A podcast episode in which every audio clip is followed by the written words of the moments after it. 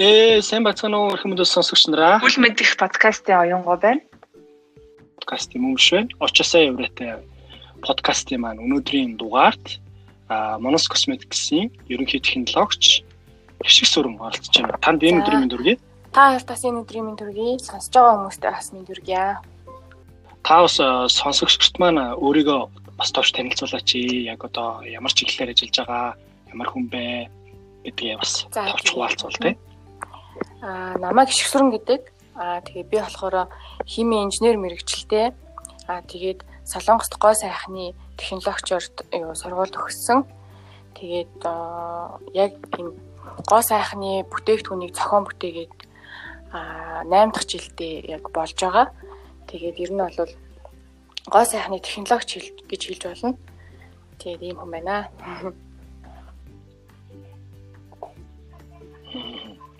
За анх ер нь яг яаж мэрэгчлээ сонгосон бэ? Юу нөлөөсөн бэ? Хэн нөлөөсөн бэ?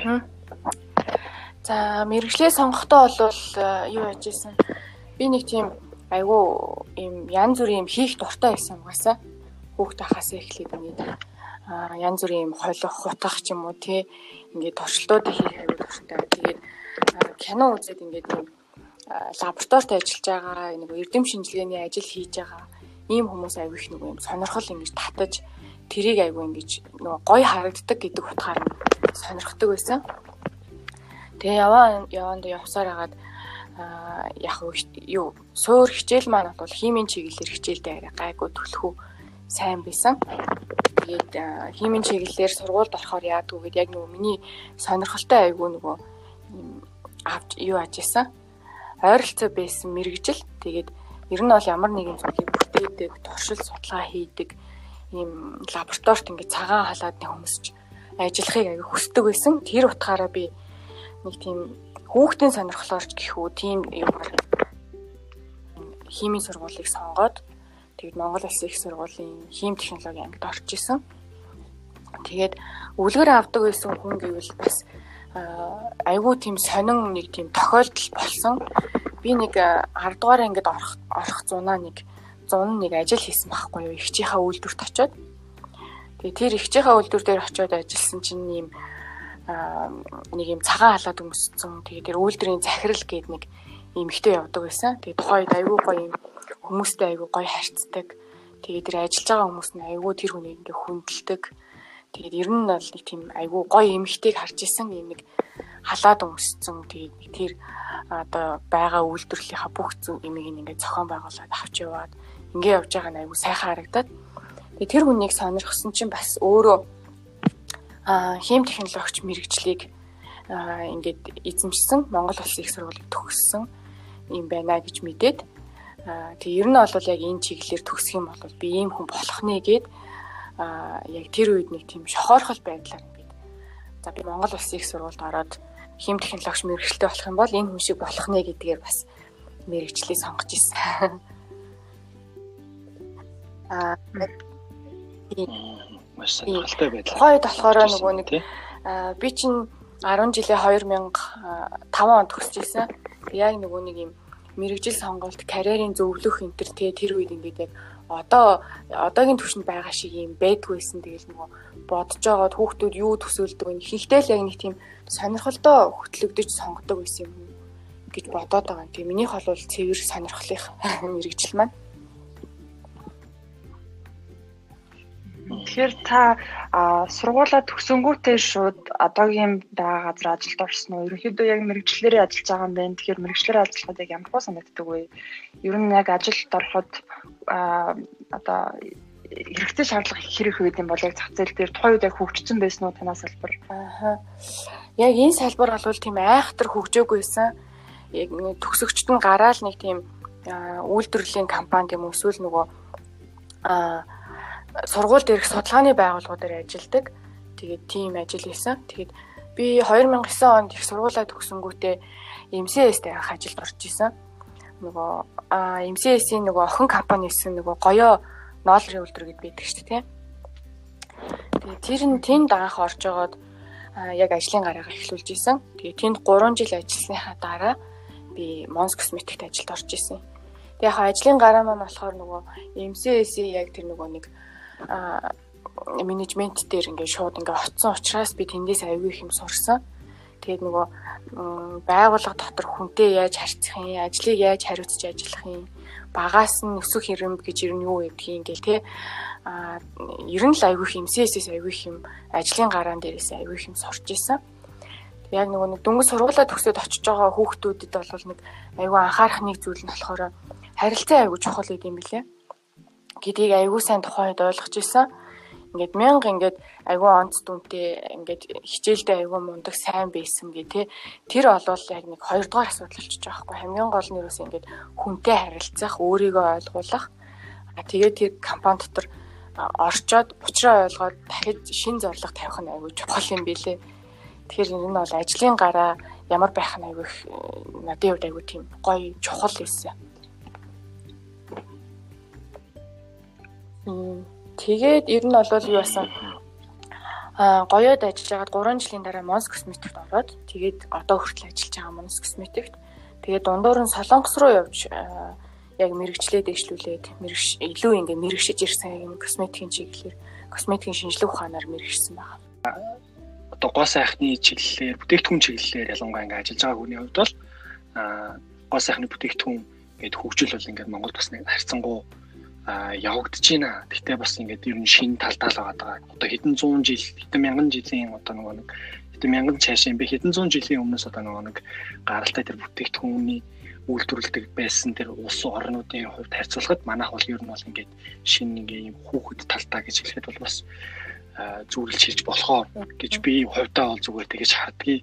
А гэхдээ харьцангуй бас ингээ нөгөө нэг технологи юм ингээ хөгжүүд ирэхин хэрээр аа манайх нэлийн сайжирч чинь гэж би бол боддог байхгүй аль болох одоо жишээлбэл нөгөө Монгол бүтээгдэхүүнүүдийг хүмүүс хэрэгжилж эхэлж байна. Одоо ялангуяа бас нөгөө түүчээлж бусад нөгөө нэг хүмүүст Монгол одоо нөгөө нэг энэ гоо сайхан бүтээгдэхүүнээс ямар гоё юм бэ гэдэг зүйлийг ламорч гэдэг юм уу те а бусад одоо ингээд гоо сайхны бүтээгдэхүүн ярьж гаргаж гаргаж ирж байна. Гэтэ давхар бас ингээд яг нөгөө шинжлэх ухааны талаасаа давхар бас яг нэг нэг яг ингээ нөгөө нэг үйлдвэрлэл талаасаа бол Monos Cosmetics бол яалтчихгүй Biomon гэдэг брендээр бол гарч ирчихсэн. Аа тэгээд энтэй холбоотойгоор яг юу асуух гэдэг нь ихлээр залуучууд ингээ нөгөө боيو одоо миний одоо наснаас доошноо боيو нэг юм аа 90-с одоо нөгөө нэг хоош 95 98 ч гэдэг юм оны залуучууд ингээ нэг юм крем түрхэмж тийм үү гоо сайн бүтээтгүнээ нүрээ ингэж арчилж гэдэг юм уу эрэгтэйчүүд ялангуяа ингээ арчлаад байна л та. А гэтэл ингээд яг таны одоо мэрэгжлийн хүний хувьд бол энийг ингээ харахтаа яг ямар өнцгөөс нь ер нь хардаг вэ? Тэгээд ер нь ингэх нь зөв юм уу? А тэгээд бид нар ер нь ингээ нөгөө нэг арьсаа эрэгтэйчүүд ялангуяа даа ялангуяа одоо миний одоо нэг 90 оныхон ч гэдэг юм уу 80 оныхон ч гэдэг юм ер нь бол нэг арчилдгүй шүү дээ. Хайцсан тий зүгээр л ингээл ер нь байж л байдаг. Ер нь бол нэг бусаар угаачхад л тэгэл ер нь болчихно ч гэх юм уу те. Хаяада нэг ингээд нэг тос төрөх юм уу гэх нэг одоо ээж мэж ч юм уу эсвэл технэр эмхнэр ч юм уу ингээд хэлэнгүүт л найз хүн ч юм хэлэнгүүт л нэрээ тэгдэг ч юм уу гэдэг ч юм уу те. Нэрээ одоо нэг хөрхийн нэг тос амсалцдаг ч юм илүү гэдэг ч юм те. А гэтэл а яг энэ нөгөө нэг суур ойлголт угаасаа биднэрт байхгүй учраас бид нар хэрэглэхгүй байгаа тий. А тэгвэл яг анхны шатны одоо нэг юм суурь ойлголт гэдэг шиг юм ойлголтыг хэрвээ тавгвал нэгдүгээр ч юу нэг хэстэй байдаг юм а тэдэн наснаас харуул зүгээр гэдэг юм.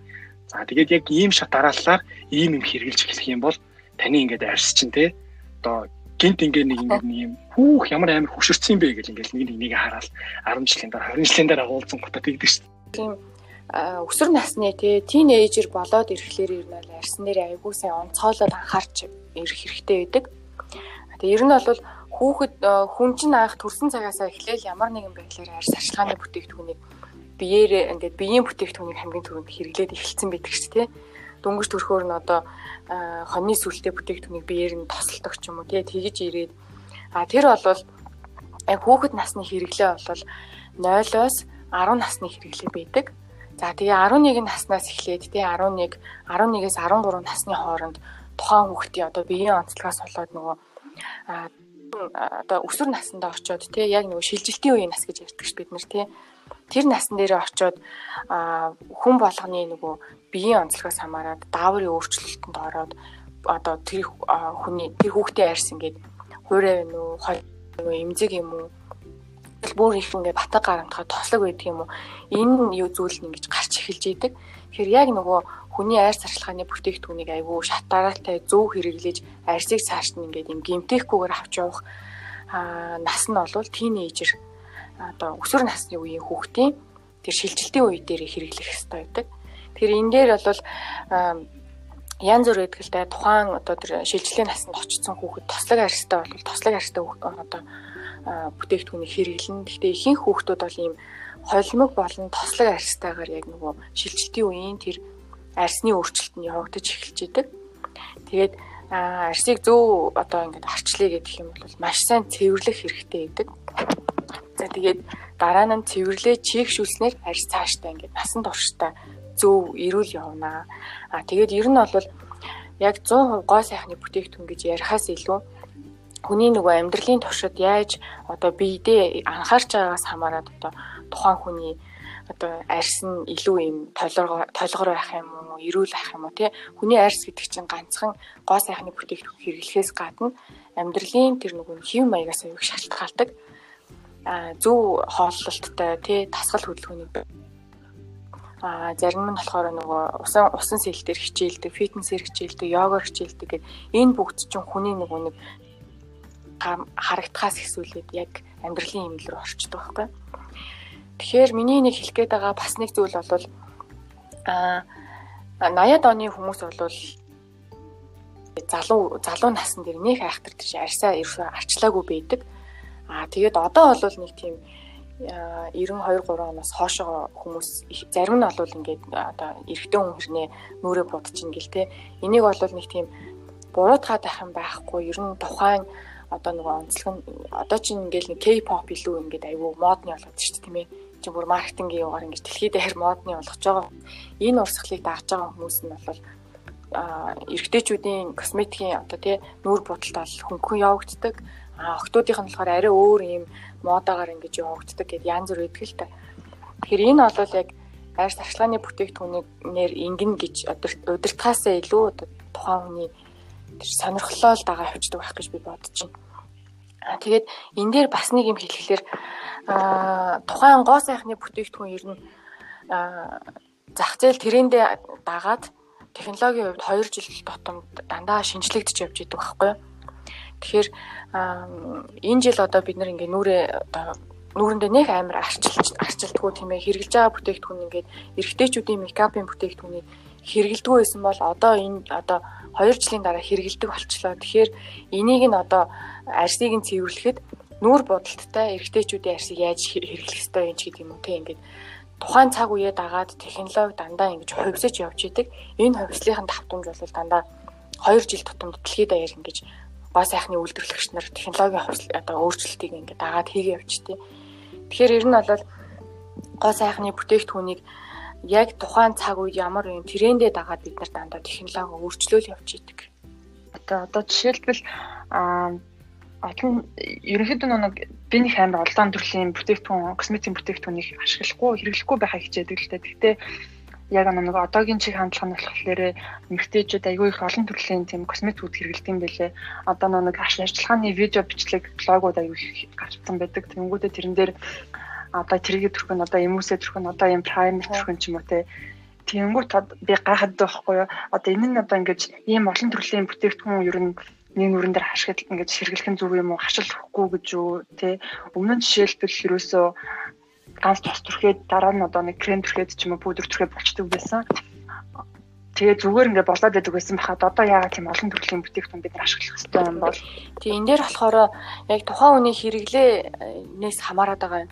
Одоо сүүлийн үед охтууд одоо эмэгтэйчүүд ингээд айгүй их мат төрлийн тий нөгөө тогтц сайтай болохын тулд мат төрлийн дээрээс нь тогтцыг хэд дахин нэмэгдүүлсэн тэр нүрийн шингэн крем ч юм уу хуурай крем Тэгээд аюу олон бейс энтер тавьж иж арьс ингээ гоё юм шиг харагддаг. Тэгээ гоё болгож харагдуулдаг.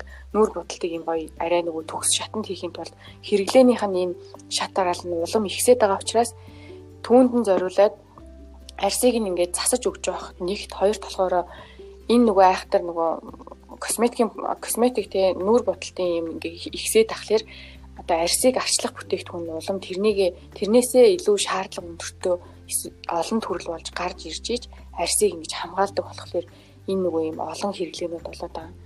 Ингээл нүрээ ингээ хөөсрүүлж угаачаал дараа нь сүүн сүүн шингнээр цэвэрлээд ч юм уу те эсвэл давхар давхар одоо мицеллер усаар те ингээд цэвэрлээд тэгснийхаа дараа хідэн 2 3 давхар ингээд нэг чийгшүүлэгч бүтээгдэхүүн ингээд хэрэглээл ингээд юм те энэ чинь бол яг л нөгөө тухайн цаг үеийнхаа хэрэглээг дагаад бүтээгдэхүүний дараагийн шатны хэрэглээ нь өөрчлөлттэй явж идэг. Тэрийг дагаад бүтээгдэхүүний доторх орц найрлага, формула, технологи, ноу-хау бүгд ингээд дандаа солигдож шинжлэхтэй явчихдیں۔ Тэгээд ингээд их юм төрхээр ингээд харшил өгөх гээд байгаа юм шиг харагдаж байгаа боловч ер нь тухайн хүний л онцлогтой уламжлалт нүүр бодолт хийдэг те.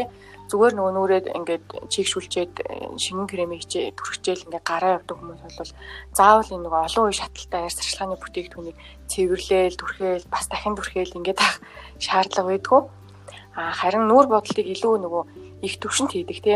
Мат төрлийн бодог хийдэг гэрэл сүдрийг ихээр тавьдаг ингээд ингээд яваад төвчдөг те одоо тэр зүйлэн дээр бол араас нь заавал арьс арчилгааг ингэж арчлаад цэвэрлээд ингээд зөв юунд нь оруулж өгч шаардлагатай гэдэг учраас айгүй олон бүтээгдэхүүнүүд хэрэглэгдээд байгаа. Тэгээ бас энэ гоо сайхны блогрууд бол бичдэг. Энэ бол нөгөө ихэнхдээ нөгөө том том үйлдвэрүүдийн захиалагт тийм нөгөө юу гэдэг чинь тийм ээ ингээд ажлууд байдаг чинь тий. Тэгэхээр энэ нөгөө нэг Азийн блогрууд болохоор ингээд юм айгүй олон үе шаттай арьс ашиглагын бүтээгдэхүүнийг хэрэглэхээр ингэж оруулдаг. Харин нөгөө Европын чиглэлийнх болохоор айгүй болж өгвөл цөөхөн нөгөө завгүй хүмүүсийн амьдралын хэм маяг тохируулсан бүтээгдэхүүнийг ингэж гаргаж ирдэг. Тим технологийн онцлогтой. Учираас энэ хоёрын ялгаа өөр агаад тийм Тийм. Тэгэхээр тухайн бүс нутгийн бас хэрэглээ бас аяг өөр өөр байдаг л та энэ дээр нарны тосыг одоо хүн болгоо ингээ хэрэгэлдэг болсон байна. Тэгэхээр нарны тос ер нь бол ашиглах нь хэрэглэх нь яг зөв юм болов уу? Хэрвээ зөв байх юм бол би одоо хутаа яг юуг анхаарч авах хэрэгтэй юм бол дотроо юм олон төрлүүд юм бэлээ. Мөн түүжлэн одоо хэдэн наснаас хэрэглэх юм бол зөв гэдэг юм болоо. Тийм. Ер нь яг нарны тосыг ярихад гоо сайхны бүтээгдэхүүний технологи дотроо хамгийн нарийн хамгийн хэцүү технологитой бүтээгдэхүүн нарны тос гэдэг юм. Энэ өөрөө нэг амар эмзэг хийгддэг бүтээгдэхүүн. Тэгээ технологийн нөгөө нэг хийц нь бол аюулгүй нарийн. Тэгэхээр нарны тос бол маш болгоомжтой хэрэглэх ёстой бүтээгдэхүүний нэг арьс цахилгааны бүтээгдэхүүн дундаа. Тэгээд нарны тос чинь өөрөө нөгөө бүтээгдэхүүнийх нь тэр нарны тосны технологи нь өөрөө химийн хамгаалалт, физикийн хамгаалалт гэсэн хоёр давхар хамгаалттай явдаг энэ бүтээгдэхүүн баггүй юу. Тэгэхээр нөгөө нэг химийн хамгаалалт гэхээр илүү нөгөө нэг химийн бодисоор ихэнхдээ төлхөө ингэж орц найрлагт нь оруулж өгсөн байдаг. А физикийн хамгаалалт гэхээр илүү нөгөө нэг байгалийн гаралтай, natural төрлийн тий байгаль дээр дандаа нөгөө нэг одоо ховор элемент байдлаар олддог. Титаны оксид, цинкийн оксид, цайр гэл гих мэтчлэн зүйлүүдээр ингээд арсыг хамгаалж өгдөг учраас арьсан дээр нөгөө нэг пиццэг хамгаалттай бүтээгдэхүүнийг нь илүү сонгох нь одоо сөрөг сөрөг нөгөө хоруу чанар маш багтаа байдیں۔ Тэгэхээр нарны тосыг яг насны хувьд хэрэглэхдээ хүүхдэд зориулсан насны нарны тос гэж байдаг. Тэрийг хүүхдэд хүүхэд наснаас эхлээ хэрэглэх хэрэгтэй. А яа тэгэхээр нөгөө нэг нарны хурц гэрэл чи өөрөө нөгөө арьсны аюул олон асуудлуудыг үүсгэж идэг байхгүй юу? Харшлыг үүсгэн дээрээ дээрээс нөгөө нэг арьсыг аюул гимтээдэг ингээд нөгөө нэг арьс ингээд шууд хууларчдаг шүү дээ тийм ээ удаа явахлаар хууларчдаг, улаадаг. Тэгснийхаа дараа ингээд захтнаад юм гардаг. А тэгээд энэ байдал нь илүү даамжраад тухайн хүнд одоо маш нөгөө нэг хортой чанараар илэрх юм бол арьсны нөгөө нэг канцер үүсгэж идэг. Айгу аюултай. Тэгэхээр ер нь бол а нарнаас болвол заавал арсыг хамгаалах бүтээгдэхүүнийг хүмүүс хэрэглэх шаардлагатай. Ялангуяа нөгөө нарны идэвхжил өндөр байдаг үе 11 цагаас 15 цагийн хооронд бол хүн гадуур ингэж ийл ингэж явахдаа заавал арьсандаа нарны цэсийг хэрэглэх шаардлагатай гэдэг юм. Тэгээ гол нь сонгохдоо natural төрлийн үү химийн гаралтай орцоо гэдгийг маш сайн хараад тэр физик хамгаалалт буюу natural төрлийн орц найрлагатай бүтээгдэхүүнийг сонгох аягүй чухал.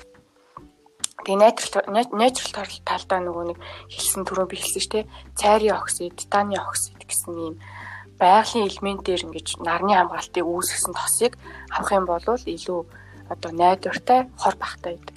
Яг аль нэрээ цагт нь нарны цэвэрлэлт юм бол гэж хэлсэн чинь айгүй гоё хэлсэн дээ. 11-аас 15 цаг гэдэг чинь нэрээ бас мэдмээр цагууд байна л да. Аа тэгээд манай нөгөө бүтээгдэхүүнүүд ингэдэг ш нэг юм нэг хэсэг одоо тэгтээ яг ямар усны би мэдэхгүй байна л да. Одоохондоо яг нөгөө Монгол бүтээгдэхүүнээ би ч өөрөөр нэг хэрэглэдэггүй болохоор ч тэр юм уу.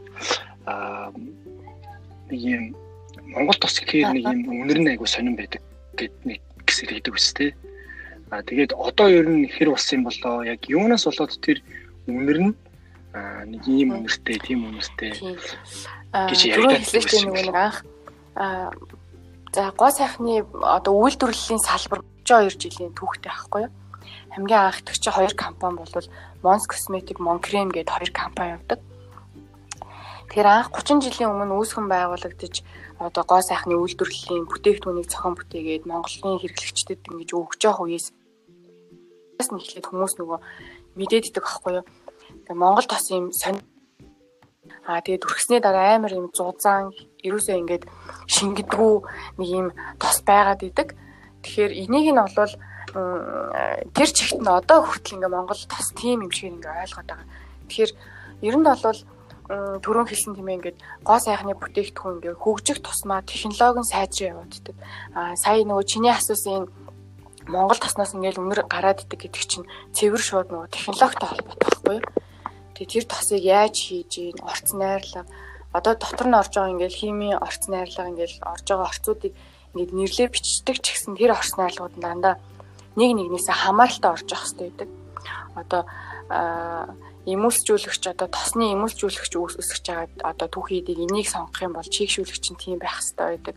Өндөр нь тийм байх хэрэгтэй байдаг. Итгэжний хуваар орж иж ингэдэг гэх мэт томьёолоор дандаа орц найрлага явдаг. Тэгэхээр тэр орц найрлага ингэж он цаг ингэж явах тосом технологийн хувьд улам нарийсаар ингэж байдаг. Тэгэхээр одоо бол а Монгол тоснуудын хувьд өнөөдрийн түвшинд нэг тийм тэр үнэр харьцангуй байхгүй болцсон ямар ч үнэргүй илүү юм нөгөө косметик юм анхлын тэ юм гоо сайхан зориулагдсан үнэртэй. Тэгээ бусад түүхийн эдийн ч юм уу те тэр нэг эвгүй үнэр гэдэг ач ерөөсөө л нэг тэр дотор нь орж байгаа орц найрлага түүхийн эдийнхэн л үнэр гэж яваад байгаа байхгүй.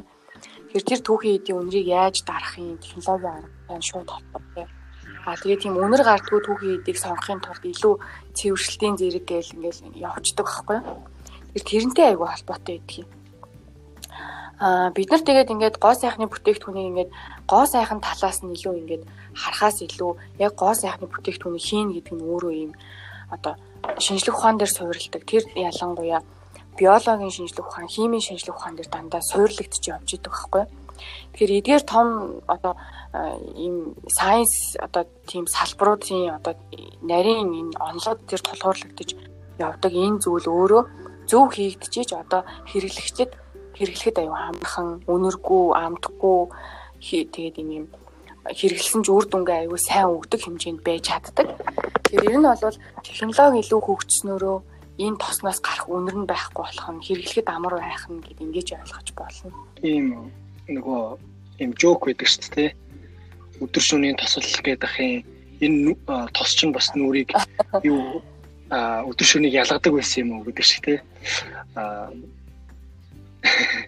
Тэгээд э, яг нэг өдөр шөнийн тас гэдэг тэр одоо яг юугаараа ялгаатай байгаад идэгин. Тэгээд бас нэг э, нэмэлт юм асуухад нөгөө идэж болдог одоо юм нөгөө гоо сайхан бүтээгдэхүүн нэг хэсэг ингээл нөгөө кино мануугаар чих гардаг байсан. Тэгээд аав жишээлбэл ингээ харцаад амар гахаад юу идэж болно Тэгээд энэ чинь төрөлтөг байж яах лээ гэдэг зүгээр биш зүгээр гэдэг юм уу? Яг яадгийг ингээд бүр ингээд аим. Би тухайн үед бол амар гайхажсэн байхгүй. Тэгээд яг одоо шүү асуух боломж оллоо гэх. За тийм. Ер нь өдөр шөнийн тосны хувьд бол яг хөө тийм инээдтэй юм байдаг анхудаа сонсож ин л доо. Ялгаа бол яалтч энэ хоёр дэг байдаг юм аа а хүн чинь нөгөө нэг өдөржингөө ингээд нүрээ будцсан гадаа ингээд нар салхинд явцсан халуун одоо ингээд офисын өрөөнд суудсан ч юм уу халуун хүүтэй орчин ингээд суудсан гэдэг арьс аягүй юм ядарсан ядархаараа ингээд нөгөө аягүй их ингээд арзааж чигшлээ алдаад хойроо олцдог байхгүй юу? Тэгэхээр энийг нь бол яг хэрэглээний зөв хэрэглээ бол нь тэр алдагдсан чигшэл алдагдсан тэр амин дэм юмнуудаараа шүн нь ингэж нөгөө нэг төрхөх байдлаар нөхөж авах шаардлагатай. Түүний тус илүү нөгөө нэг тижэл, витамин, аа чийгчлэр аягүй сайн ингэж арсыг нөхөн төлжүүлж идэг. Тэр орц найрлага нь өндөр байдаг учраас шөнийн тосыг зайлшгүй тэгж нөгөө арсыг амраах зорилгоор хэрэглэх шаардлагатай. Өдрийн тос нь нөгөө нэг тэр витаминлэг те витамин одоо тэр нөгөө нэг илүү тэр нөгөө арсыг амраах амраана гэхээсээ илүү яг тэр нүүр бодолтонд нь зориулсан а тэгээд арсыг ингээд амар ингээ арзаалга хуурайшуулаад тахгүй ингээд зөв ингэж одоо төрхөөр байлах одоо чийгчлийг нь хатгалж өгөх байдал өдрийн тос хийгддэг байхгүй. Тэгэхээр энэ хоёрыг болоо заавал өдөр шөнөдөө хэрэглэнэ. Аа тэгээ дээрэс нь өдрийн тосны нэг ялгаа нь гэвэл нарнаас хамгаалах нарны хамгаалалт 15% заавал байх ёстой гэдэг өдрийн тосонд. Харин шөнийн тосонд болохоор нарны хамгаалттай орц найрлагыг хийгээд өччих юм бол арсыг амраахгүй. Эсвэргээр нь арсанд айгүй хортой. Тэгэхээр шөнийн тосонд нарнаас хамгаалдаг нарны хамгаалалт байдгүй. Эсвэргээрээ арсыг нөхөн төлжүүлж идэг орц найрлага илүү байдаг учраас арсаа амраагаад тэгээд ингээд витамин, минерал, эрдэс бодисоор ингэж арсаа тайвшруулахын тулд шөнийн тосыг хэрэглээд байгаа. Тийм л ялгаатай энэ хоёр.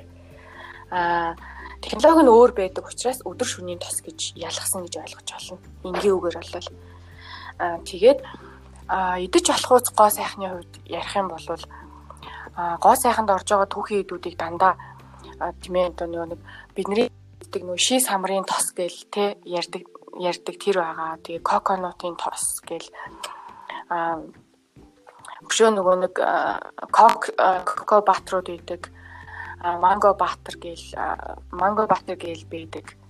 Өшөө чинь нөгөө элмонд ойл байна, кастер ойл байна, олив ойл байна гэл дандаа нэг юм хүнсэнд хэрэглэгддэг юм нөгөө амьд ийм сайн төвчний тоснуудыг гоо сайхан дандаа хэрэглэдэг байхгүй юу?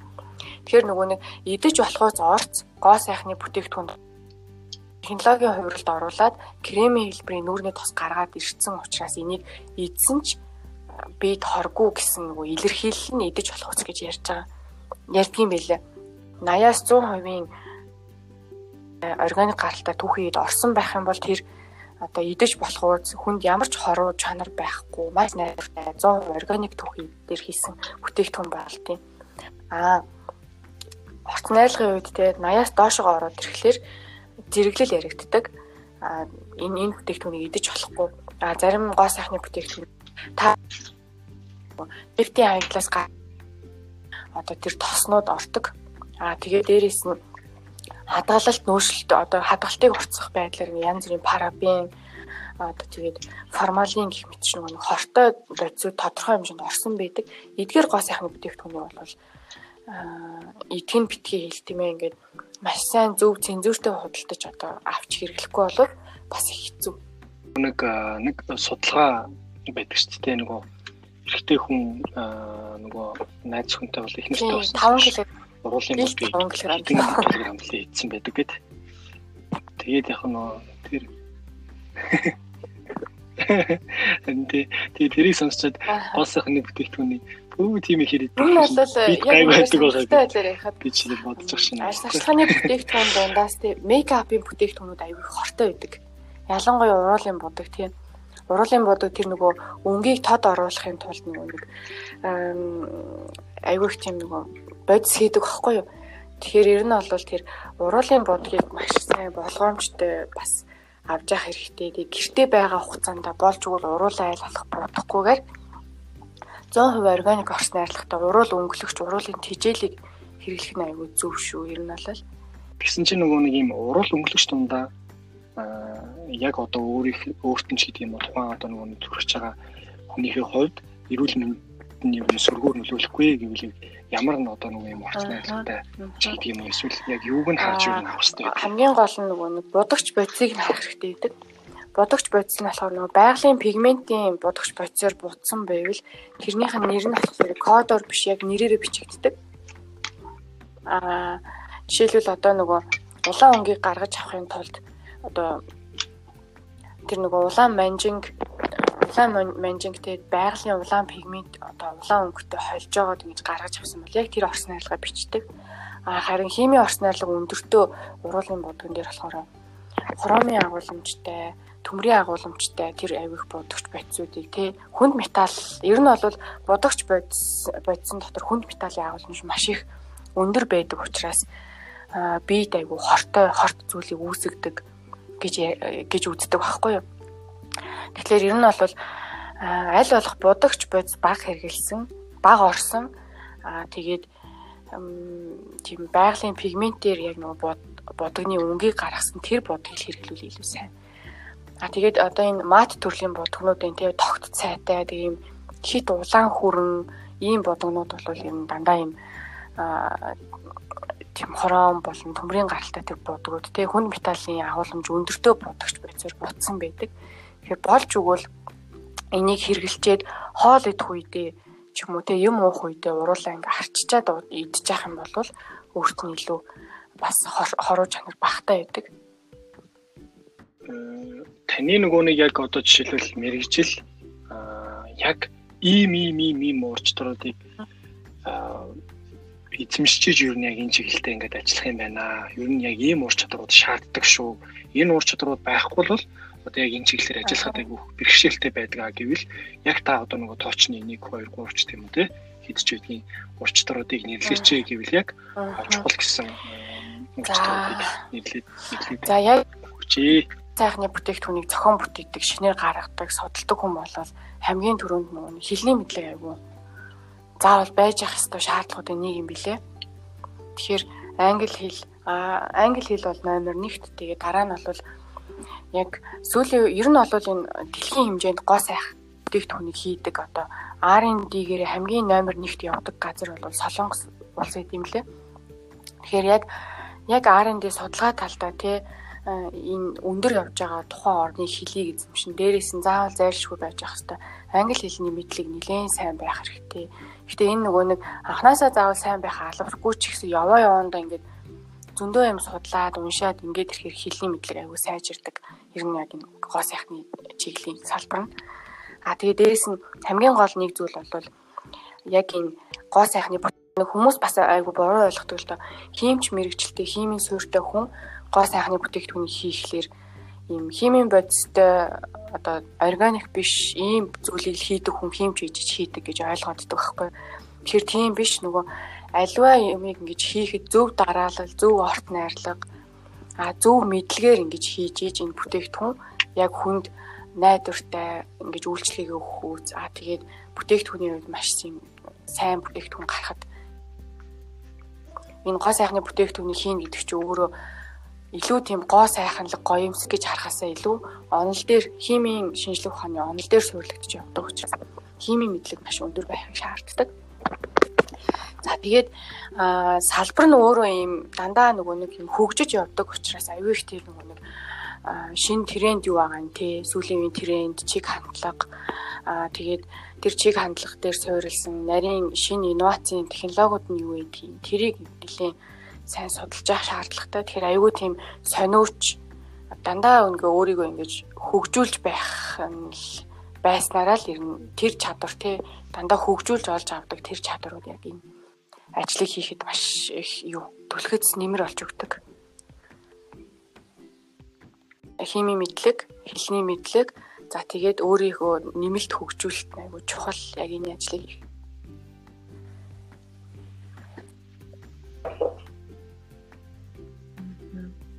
Тэгэхээр та косметикийн салбар таныг ерөнхийдөө хоёр патент эзэмшдэг гэсэн. Тэгэхээр та яг ямар төрлийн судалгаа шинжилгээ хийгээд яг ямар чиглэлийн патент эзэмшдэг юм бол косметикийн чиглэлээр патент болохоор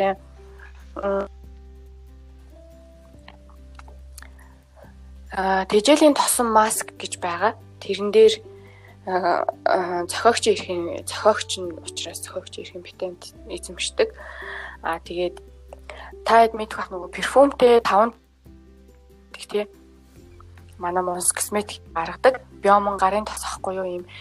Өнөртэй усны өнөртэй цэцэглэлийн найрлагатай ийм 5 төрлийн одоо гарын тос тэрэн дээр эзэмшиж байгаа.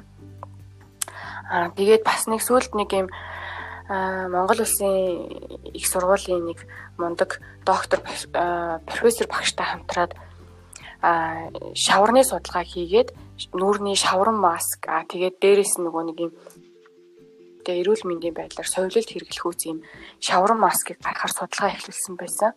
тэрэн дээр бас эзэмшээд ингэ явдаг. Гурван бүтэн дээр патенттай явдаг байгаа. Жин л та.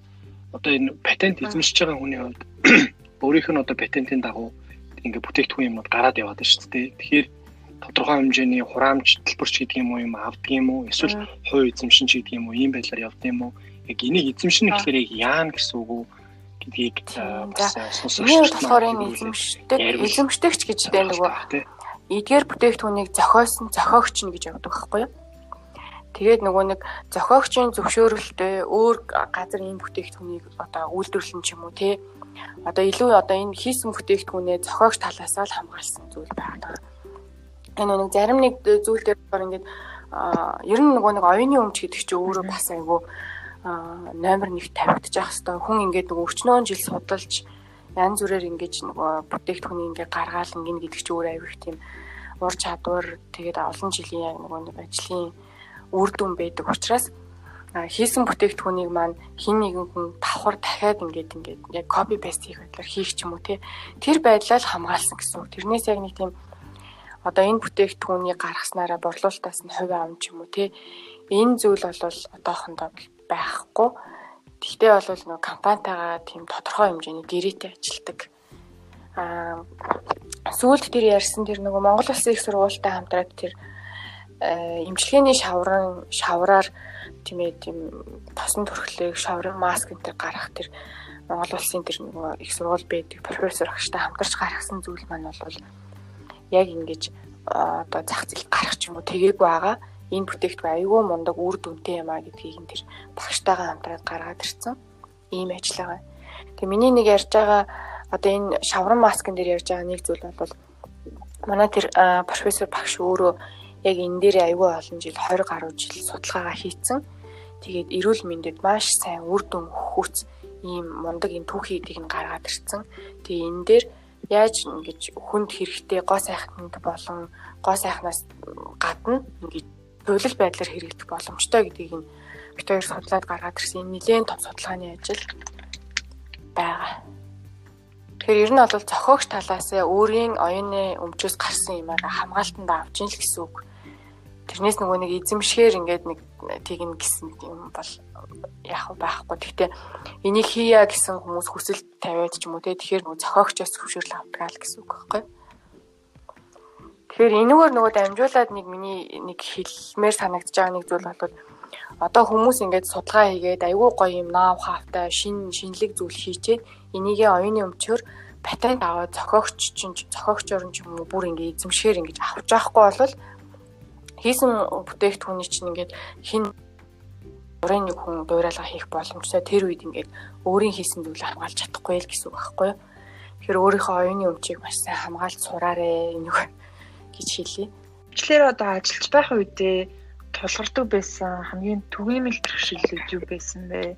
Тэгээд энэ бэрхшээлүүдээсээ та яг юуг сурч авсан бэ? Бэрхшээлүүд гэвэл яг анх эхэлж байх үед надад бүр амар хэцүү байдаг гэсэн яг энэ гоо сайхны бүтээгдэхүүнийг хийдэг гоо сайхны технологи гэдэг юм Монголд тогтцсон юм байгаагүй. Тэгээд яг энэ чиглэлээр нөгөө мэрэгжилтэн бэлтгэдэг одоо тийм сургууламж байгаагүй. Яг бүр ингээ айхтар мэрэгшээд туршлагатай болсон тийм хүн ч гэсэн баг ингээд тууштай ингээд нилээ хэдэн жил ажиллаад яг энэ гоо сайхны бүтээгдэхүүнийг хийдэг технологиг ингээ гартаа оруулсан юм тийм мундаг хүн бол зөвлөгөө авчгаар хүн бол ерөөсөй байдгүйсэн.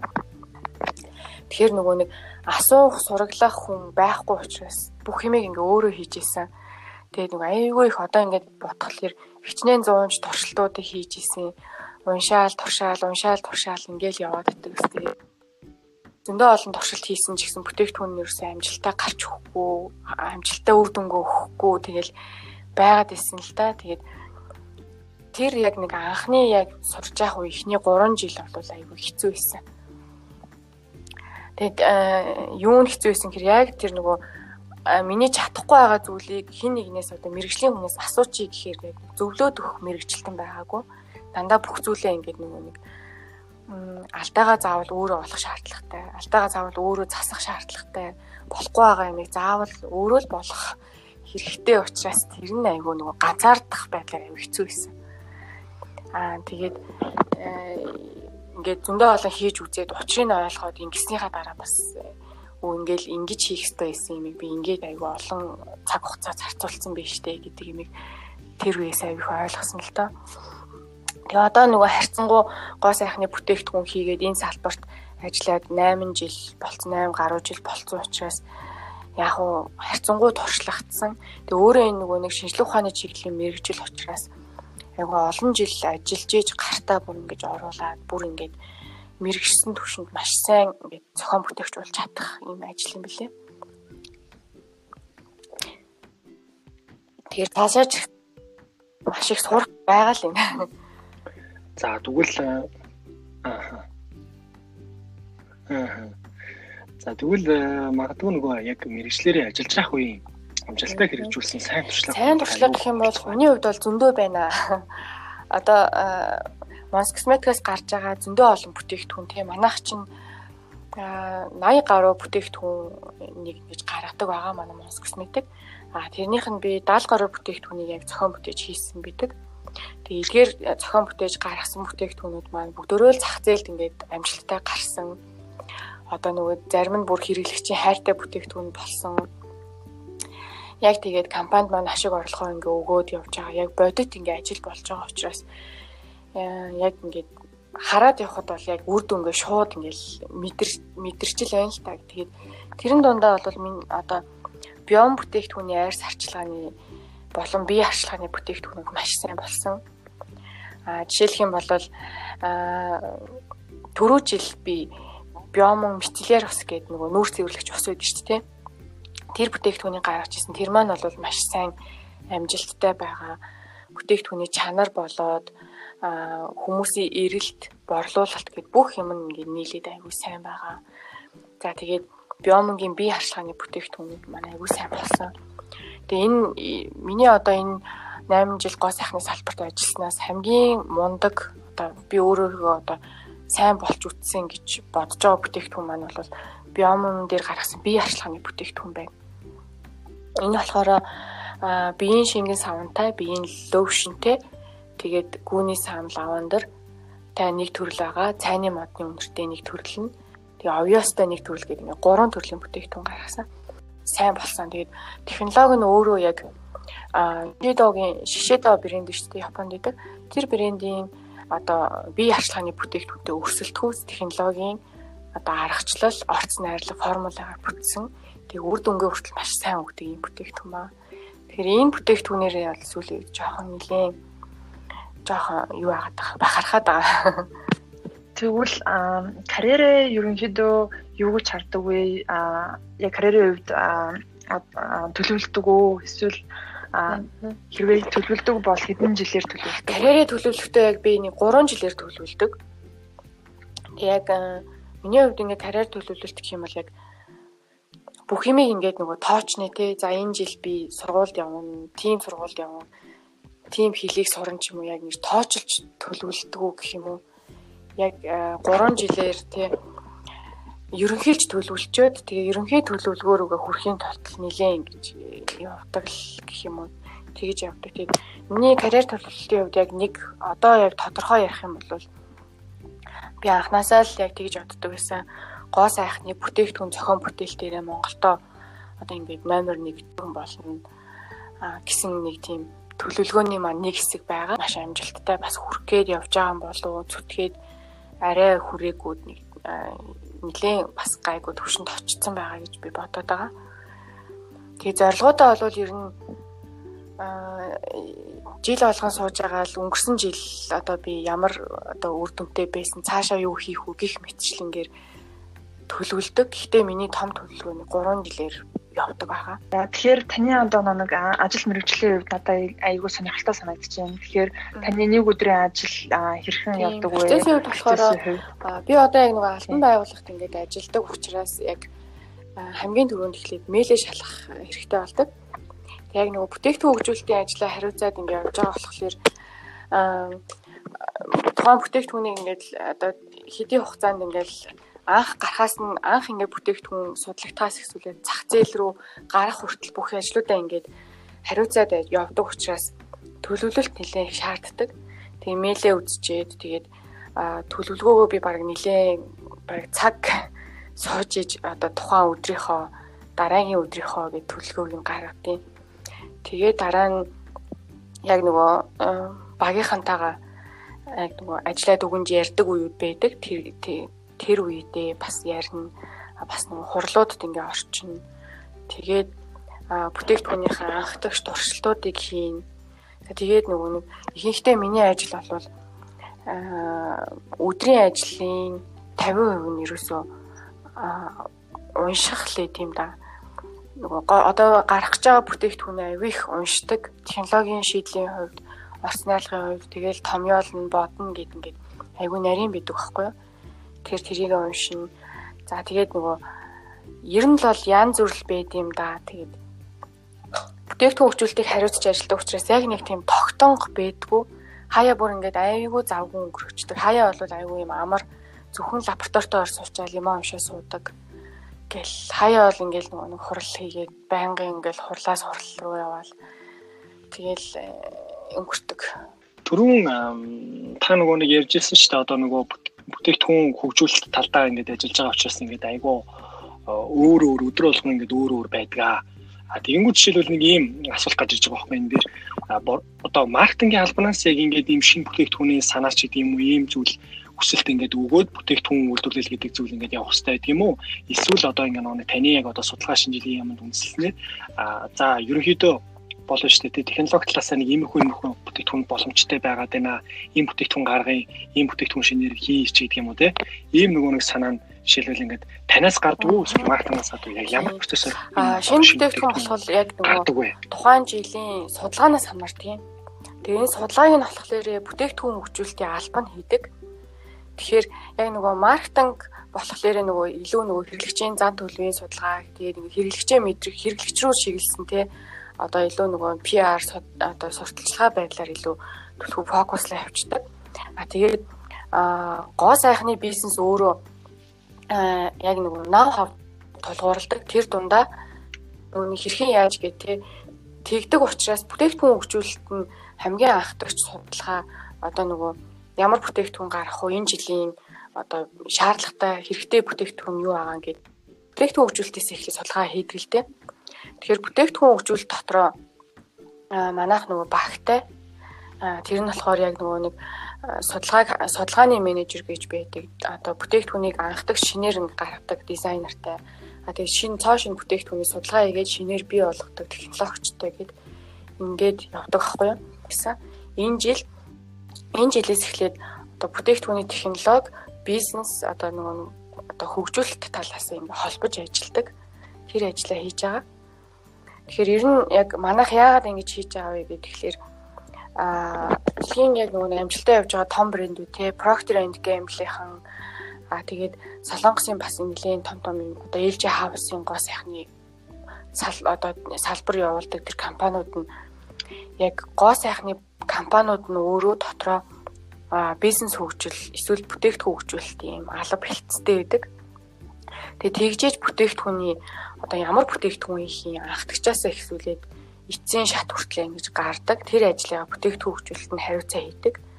Тэгэхээр манайх бол шинэ бүтээгдэхүүний санаагаа бол бүтээгдэхүүн хөгжүүлэлтийн одоо албанаас эхэлж гараад тэгээд эцсийн бүтээгдэхүүн гараад ирэхлээр тэр бүтээгдэхүүний одоо юу те history гэж ойлгож болно. Тэр зүйл нь гараад ирэхээр маркетингийнхантаа өгдөг, борлуулалтандаа чиглүүлэг өгдөг.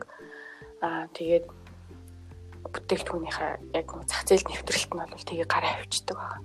Энэ нөгөө нэг and Shoulders чинь нэг хэсэг чинь яг хашгсан шүү дээ. Ер нь бол нэлээд дампуурлал руу баг орхошгсан.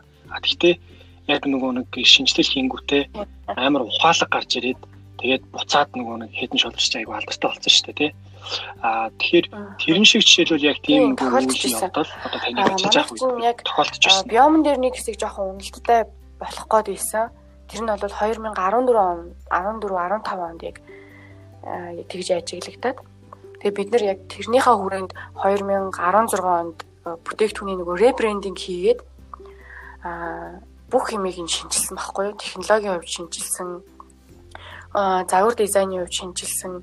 Тэгээ хэрэглэгчийнхаа нөгөө хуучин хэрэглэгчээ ингээд хуучин хэрэглэгчийгээ ингээд үнэнч байдлаар нь хатгалаад шинэ хэрэглэгч яаж татах уу гэдэгт нэлээд их явсан.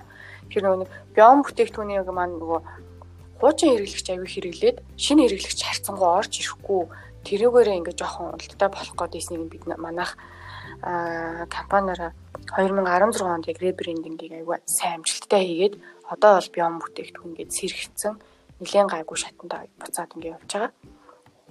Тэгээ яг түрүү хэлсэн юм нөгөө head and shoulders болохоор дахиж нэг ингэж яг манайх шиг юм нэг тий ребрендинг хийгээд буцаад гараад ирсэн гэд тий.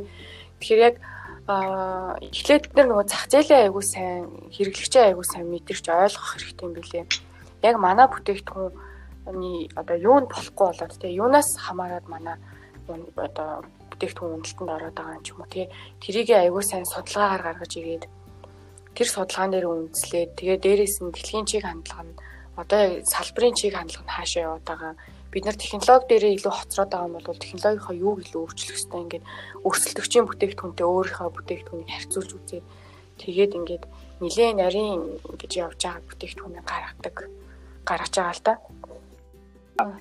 А түрүү нөгөө нэг та бүтээгдэхүүн хөгжүүлэлт чиглэлтэй бас ингээд нэлээд төлөв ажиллаж байна гэж ярьлаа л да. Тэгэхээр энэтэй холбоотой нэг хоёр асуулт гарч ирж байгаа. Нэгдүгürt нь болохоор танах Босны матриц гэдэг зүйлийг хэрэгэлдэг үү те?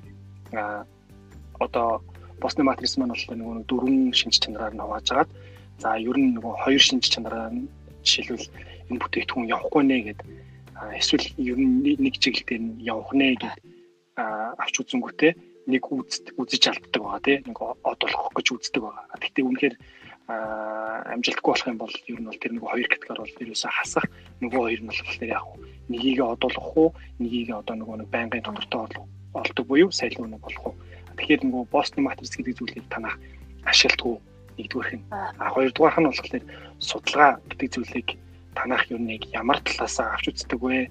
А ер нь хэр дэмждэг вэ? Ялангуяа нөгөө нэг юм судалгаагийн гууд эцдүүд юу гэж боддог вэ гэхээр судалгаа бол ерөөсөө зардал юм аа.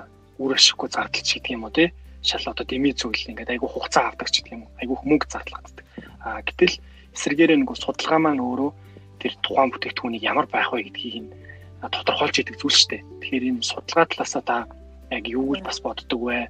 а байгууллагынхаа хувьд танаа байгууллага гэсэндээ манайх болохоор 2016 онд сайн инженери хэлснээр Boston Matrix-ийн модулийг ашигласан байгаа. Тэгээ энэгээр болохоор яг нэг яг хэрэгцээтэй бүтээгдэхүүн бүр ингээд огт хэрэгжилж одоо үйлдвэрлэх шаардлагагүй юусэн ашигаа өгдөггүй ингээд байгаад байгаа юмний ингээд ашигч өгөхгүй алдагдaltaж байхгүй зүгээр л ингээд нэг яваад хийгээл яваад байдаг. Эдгээр бүтээгдэхүүнүүд гээд ингээд ялгсан л та. Тэгээ амгүй олон нэр төрөл гарсан. Тэгээд яг гол чиглэж авч явах хэвээр бүтээгдэхүүн юу юм? Бүтээгдэхүүний нэр төр а алига хасахын, алига бид нар ингээ аваад үлдэхийн, цаашдаа ингээд хөгжүүлэхийн гээд ингээд гаргасан л та. Тэгээд яг манай яг сайлын үнэ манай одоо доторх нөгөө нээсгийн төрлөө дотроо сайлын үнэ юу юм нэг яаж барьж авах юм гээд нилээн сууж агаад бид хийж 2016 онд гаргаад тэгээ одоо энэ жил дахиад нөгөө цикл нь ирж чинь энэ жил дахиад энэ ажлыг давтахаар дахиж ингэж гаргахаар нь Boston Matrix модельээр бас э, дахиж нэг юу хий ребрендинг хий гэсэн ажлууд энэ жилийн төлөвөөр дахиад орж ирж байгаа. Аа тэгээ тэр үед бол яг манай дээр нэг тийм одоо та хэд мэдэх бах яг тэр үед хасагдчихсан байхгүй ингээд 5 6 төрлийн юм нөгөө арсыг тижээлэр хангадаг нэг тийм цагаан шүн сувд гэд тэ та хэд шүн цагаан шүн цайруулах сонсчихсан цагаан шүн ингээд янз бүрийн тоснууд хэлдэг байсан. Тэрийгээ бид нар яг энэ тэр үед ингэж хийгээд 2016 онд ерөөсөө энийг үйлдвэрлэх шаардлагагүй юм байна хэрэглэгч нь одоо өөр сонирхол руу очсон одоо тэгээд ерөөсөө л энэ бүтээгдэхүүнээ хасах шаардлагатай юм гээ тэндээсээ манай энэ бүтээгдэхүүнүүд яг үйлдвэрлэхтэй болж эхэлчихсэн байхгүй. Тэгээд бүтээгдэхүүний технологиг бол яалчгүй сайжруулах хэрэгтэй юм байна. Дахиж бид нар нөгөө нэг брендийн бодлогоо дахиж арайд нөгөө нэг юу яах хэрэгтэй юм бэ? Арай өөрөөр явах хэрэгтэй юм гэдэг юм бол 2016 онд гарч ирсэн байна аа судалгааг бол би тэгэд хийхдээ илүү датан дээр суурилахыг хичээж байгаа. Гэхдээ болов яг нөгөө фокус группийн судалгаач одоо сүүлийн үед арай болохгүй байгаа. Яа тэгэхээр нөгөө нэг хүмүүс ингээд шууд ингээд одоо тухайн бүтээгдэхүүний талаар ингээд зөндөө олон ингээд асуумжууд ингээд очин тий. Тэгэхээр өөрийнхөө хариулахыг хүссэн хариултаа өгдөг. Яг чин үнэн яг энэ ийм учраас би тэгдгүү маа ч юм уу тий тэр хариултаа ерөөсөө өгдөггүй учраас 100% нөгөө нэг фокус группийн судалгаан дээр найдчихаар айгүй тийм алдаатай шийдвэр дараа нь гараад алдаатай ажил болчих магадaltaй байдаг учраас фокус групп байна нэмэх нь бүтээгдэхүүнийг гаргаад нөгөө нэг илүү нөгөө дотоодын тэр нөгөө хэрэглэгчийн зан төлөв тэр дотоодоосоо илүү тэр судалгаа гаргаж байгаа өөрснөө. Одоо нөгөө манай бүтээгдэхүүнийг худалдаж авч байгаа хүмүүс юунд нь олоод худалдаж аваад идэх яа гэдэг юм өөрснөө дотроо хийж байгаа. Гэтэ илүү нөгөө фокус групп гэхгүйгээрээ судалгаа хийж байна. Аа тэгээ мэдээж яг энэ бүтээгдэхүүнийг одоо цаашдаа яаж явуулах уу? Ямар бүтээгдэхүүн шинээр гаргах уу? Шинээр гаргахгүй маа хэд энэ бүтээгдэхүүнийг цаашид яаж авч явах уу? Яаж босгож ирэх үү ч юм уу? Тэр ажлыг ярих нь тэр ажил дээр бол угаасаа айгүй олон л талын юмуд хэрэг болж байгаа л доо хамгийн анхны бидний нөгөө барьдаг гол зүйл бол шинээр бүтээгдэхүүн гаргаж байхдаа клиник туршилт явуулдаг байхгүй бид нар. Одоо бүтээгдэхүүнийг хэрэглээд яг манай бүтээгдэхүүн нэг одоо 25-аас 30 насны ийм эмэгтэй ийм зүйлд одоо энийг хүргэнэ гэхдээ яг тэр хүмүүс дээр нь аваач бүтээгдэхүүнийг хэрэглүүлээд тэндээсээ үр дүнгийн одоо home user test буюу үр дүн нь ямар байгаа гэдэг утгаар нь одоо асуумжуудаа нэлээ авч ажилдаг энэ дээрээс бол нэлийн их юмуд гарч иртээ яг гоо сайхны хувьд. Тэгээ тэндээсээ нэлийн дүгнэлтүүдийг гаргана. Тэгээд явчихдаг баг. Судалгааг бол бид нар яг э, үндсэн цөм манай компани яг нэг хамгийн үндсэн цөм анхдагч яг ямар байх уу гэдэг зүйл бүтээгдэхүүн хөгжүүлэлт байдаг учраас судалгаа манай компани одоо үндсэн одоо зүйлтэй ингээ харьцуулах юм бол чинь нэг 80-аас 90%-ийг нь хамжиж байгаа судалгаа айгүй чухал. Ялангуяа нөгөө гоо сайхны салбар өөрөө айгүй тийм нөгөө эмзэг мэдрэмтгий салбар ахгүй юу? Үний мэдрэмжтэй аа тэгээ хүмүүсийн нөгөө хэрэглэгчийн нөгөө ойлголт айгүй их чухал нөлөөлчүүд идэг. Тэгээд нэг жоохон юмнаас болоод бүтээгдэхүүний нэр хүнд унах айгүй асар өндөр магадaltaй байдаг. Тэгэхээр эдгээр бид нар нөгөө нэг судалгаагаа ерөөсөй орхигдуулж болохгүй бизнес бүтээгдэхүүн хөгжүүлэлт судалгаа хоёр яг нөгөө параллел дандаа явж явах хэрэгтэй болцоод идэг.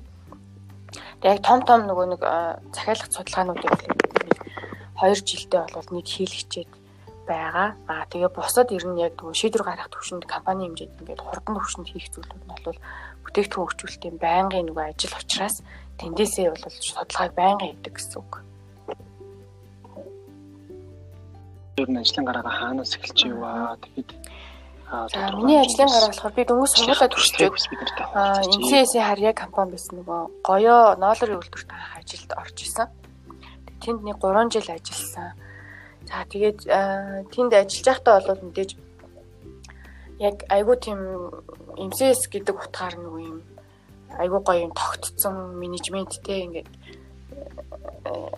тийм зүйл дээр ингээ очиж исэн. Тэгээд тэндээс бол маш их зүйлийг сурж исэн. Тэгээд хамгийн гол зүйл нь болохоор яг ажлын дөнгөж сургуулаа төгсөөд ажлын гараан дээр очих тэр айгүй их нөгөө шокны байдалд бол яг тэр ихний 3 жил имсэст илүү ингээ өнгөрсөн. А тэгээ би дараа нь Монс косметикт бол 2013 оноос эхлээд ажиллаж эхэлсэн байгаа. Тэгээд тухайн үед ажлаа яг солиод Монс косметикт орж исэн шалтгаан гэвэл энэ гоо сайхны салбар нь өөрөө надад айгүй тийм сонирхолтой маш гоё санагдаад тэгээ би ажлаа солиод өмнөөс косметикт орж исэн.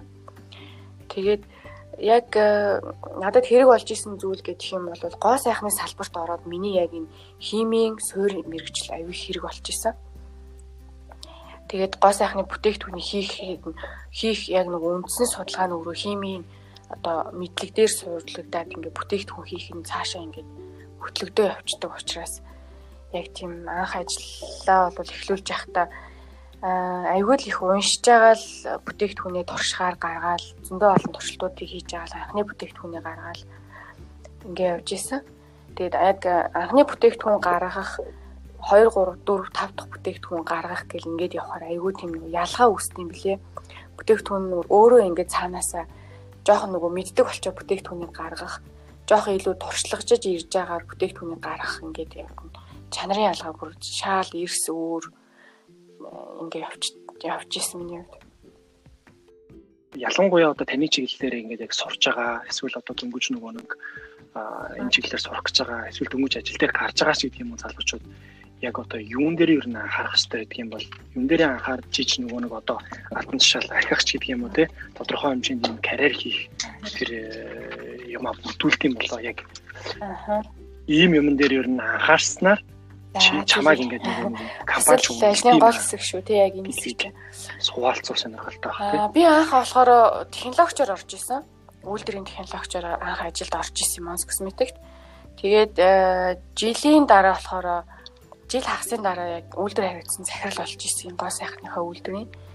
Тэгээд тэр ажлыгаа нэлээд бас 3 жил орчим хийсэн тэгж жагаад илүү тэр нөгөө нэг цоо шинээр бүтээгдэхүүн гаргах аа тэгээ бүтээгдэхүүнийг зохион бүтээдэг энэ ажил надад айгүй илүү таалагдаад яг энэ энэ энэ ажлыг хийснээр би илүү энэ мэрэгжлийн төвшөнд ингэж хөгжиж чадах юм байна. Илүү юм гоё үн цэнийг бий болгох юм байна гэж бодоод би бүтээгдэхүүний зохион бүтээл тал руугаа ороод тэгээд ерөнхий технологич гэдэг яг технологи барьж нэг нэлээд хэдэн жил ажилласан Mons Cosmetics. Тэгээ яг энэ ажлаар ингээ ажиллахад яг нэг зүйл нь болохоор инженерийн мэрэгжил гэдэг өөрөө бүх юмыг ингээд хамгийн багаас нь эхэлдэг. Тэгээ хамгийн багаас нь эхэлдэг учраас тэр үйлдвэрийн тэр нөгөө айгүй хүнд хэцүү ажлуудынх нь яг тэр доороос нь тий гоо сайхны бүтээгдэхүүнийг тэр том амар юм халуун уураар ажилдаг тогоон дээр очиод ингээд зуурч эхлэхээс ахуулаад ингээд ингээд дандаа бүр ингээ хамгийн доороос нь ингэж эхэлдэг ажил гэдэг. Тэгэхээр энэ ажил мэрэгжил нь өөрөө нөгөө яг тэгж ажлын гараа эхэлдэг учраас айгүй төвчээр шаарддаг.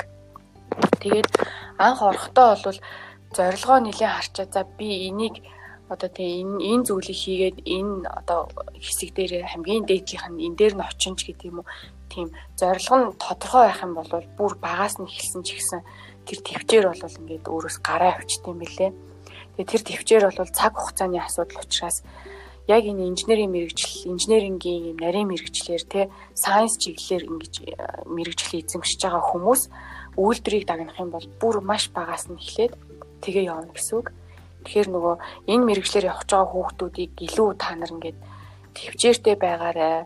Төвчээртэй байх юм бол энэ чинь нарийн мэрэгчлийг нэг ингээд ингээд өстой шазуур зурж агаад явж агаад ингээд эзэмшээд гартаа оруулаад чадсан байх юм бол ингээд ерөөсөө тэр зүйл ингээ арилахгүй улам нөгөө нэг ингээд үн цэн өсөөд идэг мэрэгжил учраас багаас нь эхэлсэн ч гэсэн сурсан оноо энэ зүйл айгүй үн цэнтэй болох учраас тэгж бодоод ингээ төвчээртэй бүх зүйлийг нь сураад ингээ ажиллаарай гэж хэлмээр байна. За тэгэхээр та сайн дурын ажил хийдэг үү? Тийм. Сайн дурын чиглэлээр болохоор юу яаж исэн их сургуульд байхдаа аа хийдэг байсан. Сургуулийнхаа оюутны холбоотой нийлж агаад хэд хэд удаа хийж исэн. Тэгээд ажлын гараан дээр оцсноос хойш яг тэгж юм албан ёсоор сайн дурын ажил хийгээгүй. Гэхдээ нөгөө бид нар нэг хамт олноороо нэг шилдэг хамт олон болоод нэг шагнуулж исэн юм а. Тэгээ тэр шагнал нь илүү тийм бодит зүйлд очиосоо гэд бид нар сайн нэг байгууллагатай хамтран ажиллаж исэн.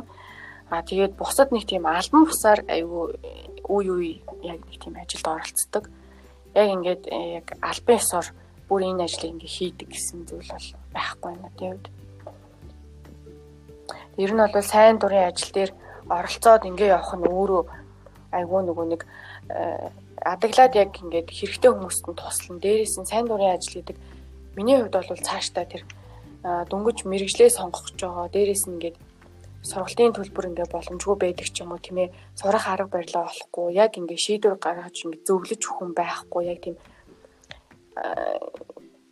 нилээ алс одоо нөгөө хотын захад байгаа энэ хүүхдүүдэд ялангуяа юм охтуудад ингэж урам зориг өгөөд чиглүүлэг өгөөд а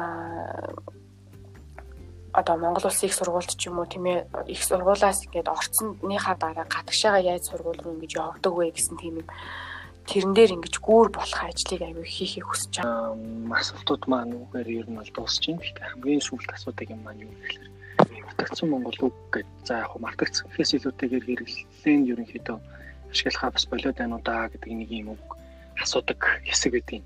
За энэ маань болохоор яг таныг эмээ өвөө одоо эсвэл ээж аав нь ч юм уу тий хуучны нэг хүмүүс зандрахтаа, загнахтаа тодорхой хэмжээ хатуу хэлэхтэй нэг юм сургаал үг эсвэл одоо ямар нэгэн тийм үгээр ерөнхийдөө биднэрт бас нэг юм хэлж байгаа үг нь хүртэл цаанаа нэг юм утгатай байдаг байсан. А тэгвэл тийм нөгөөний сэтгэлдтэй нь үлдсэн үг эсвэл зөөр үг ч гэдэг юм байвал манай эмээ болохоор олонтой явах айгу чухал шүү гэж хэлдэг байсан юм байна. Тэр нэг хамгийн түрүүнд орж ирж байна. Тэрийг яг нөгөө тухайн үед ингээл олонтой явах чухал гэж хэлэхээр нэг ойлгодгүй байсан. Тэг ингээд э, энийг одоо ингээд айгүй сайн нөгөө айгүй олон тийм нөгөө кейсүүд дээр надад гарч ирж байгаа байхгүй ингээд. Аа хүмүүстэй ингэж дайсан ихтэй биш тийм ээ ажлын гараан дээр очсон ч гэсэн ингээд хүнд илүү тустай байснараа эргээгээд ингээд өөрт нь одоо одоо альваад ингээд ийм одоо болохгүй сэтгэлээр биш тийм ээ яг нөгөө нэг хин хиндээ туслаад аль алиндаа тустай дэмтэй явснаар чамааг ингээ илүү юм сайн хүрээлэл ингэж хүрээлнэ. Илүү юм зөөлөн одоо тийм хамт олон хүртэл юм зөөлөн сайхан байна гэсэн ер нь утгатай юм байна да. Хүнд айгу ядрах ч юм уу тийм ээ ингээ хэсүү хэцүү зовлонтой зүйл ингээ толгархад ингээ айгүй олон хүн ингээ хажууд дим болоод тосолоод ингээ явах энэ үг байсан байна. Ингийн тулд хүн өөрөө бусадтай айгүй ивтэй бусдыг ингээ дандаа ойлгодог ингээ ийм байх хэрэгтэй юм байна. Энэ айгүй чухал юм байна. Гэт гэж тухайд ойлгож ирсэн. Тэр нөгөө манай эмээгийн хэлдэг гэсэн олонтой явах айгүй чухал гэдэг үг л хамгийн түрүүнд санаанд орж байна энэ үгээр яг ингээд дандаа жанжин шугам болгоод явахыг хичээгээд одоо явж байгаа. Тэгээд өнөөдөр цаг цаваа гаргаж оролцсон явдал танд маш их баярлалаа. Маш олон зүйлүүдийг бас мэдэж авлаа. Тэгээд залуучууд маань бэкап хийх маягаар тий яг юу яриад өнгөрч үү гэдэг гол гол зүйлүүдийг дуртад бол ер нь бол хэрвээ та гоо сайхны чиглэлээр ажиллах гэж байгаа эсвэл сурах гэж байгаа эсвэл одоо яг энэ чиглэлээр дөнгөж ажил дээр гараад явж байгаа бол дараах гişиг сүрэн гэж юм хэлсэн зөвлөгөөг бас анхаарч сонсоорой. Заавал хэрэгтэй гэсэн чухал зүйлүүдийг бас нэлээд хэллээ. Бас мөн ур чадрууд яг ямар ур чадрууд шаардах вэ гэдгийг бас нэлээд дурдлаа. Тэгэхээр бас давхар нөгөө нэг өөр залуучууд хэрвээ нөгөө нэг энэ чиглэлийг биш гэрнээ ер нь надад бас хэрэгтэй зүйл ярьлаа, юу ярьчваа гэж бодож байгаа залуучууд байвал нарны цэцтэй холбоотой зүйл ярьлаа. Физик хамгаалалтай, за natural төрлийн тийм одоо цайрын оксид агуулсан ийм одоо нөгөө нэг тосыг бас хэрэглүүл зүгээр юм байна шүү. Тэгээд хүүхдийг том үнийг гэд ялгаатай байдаг гэдэг зүйлийг хэллээ. Энэ маань болохоор арьстай хамаатай учраас маш чухал нөгөө нэг энийг авахта маш их анхаарах хэрэгтэй байна гэдгийг бас мэрэгжлийн хүний хувьд бол зөвлөлөө. За тэгээд нарын цэцэг хизээд өгөх вэ гэвэл цохимжтой цаг нь бол 11-ээс 15 цагийн үед юм байна шүү залуучуудаа. Тэгээд хідэн настай гэдгээс үр шалтгаалаад ер нь харьцаа маш сайн харчилж ах хэрэгтэй юм байна шүү.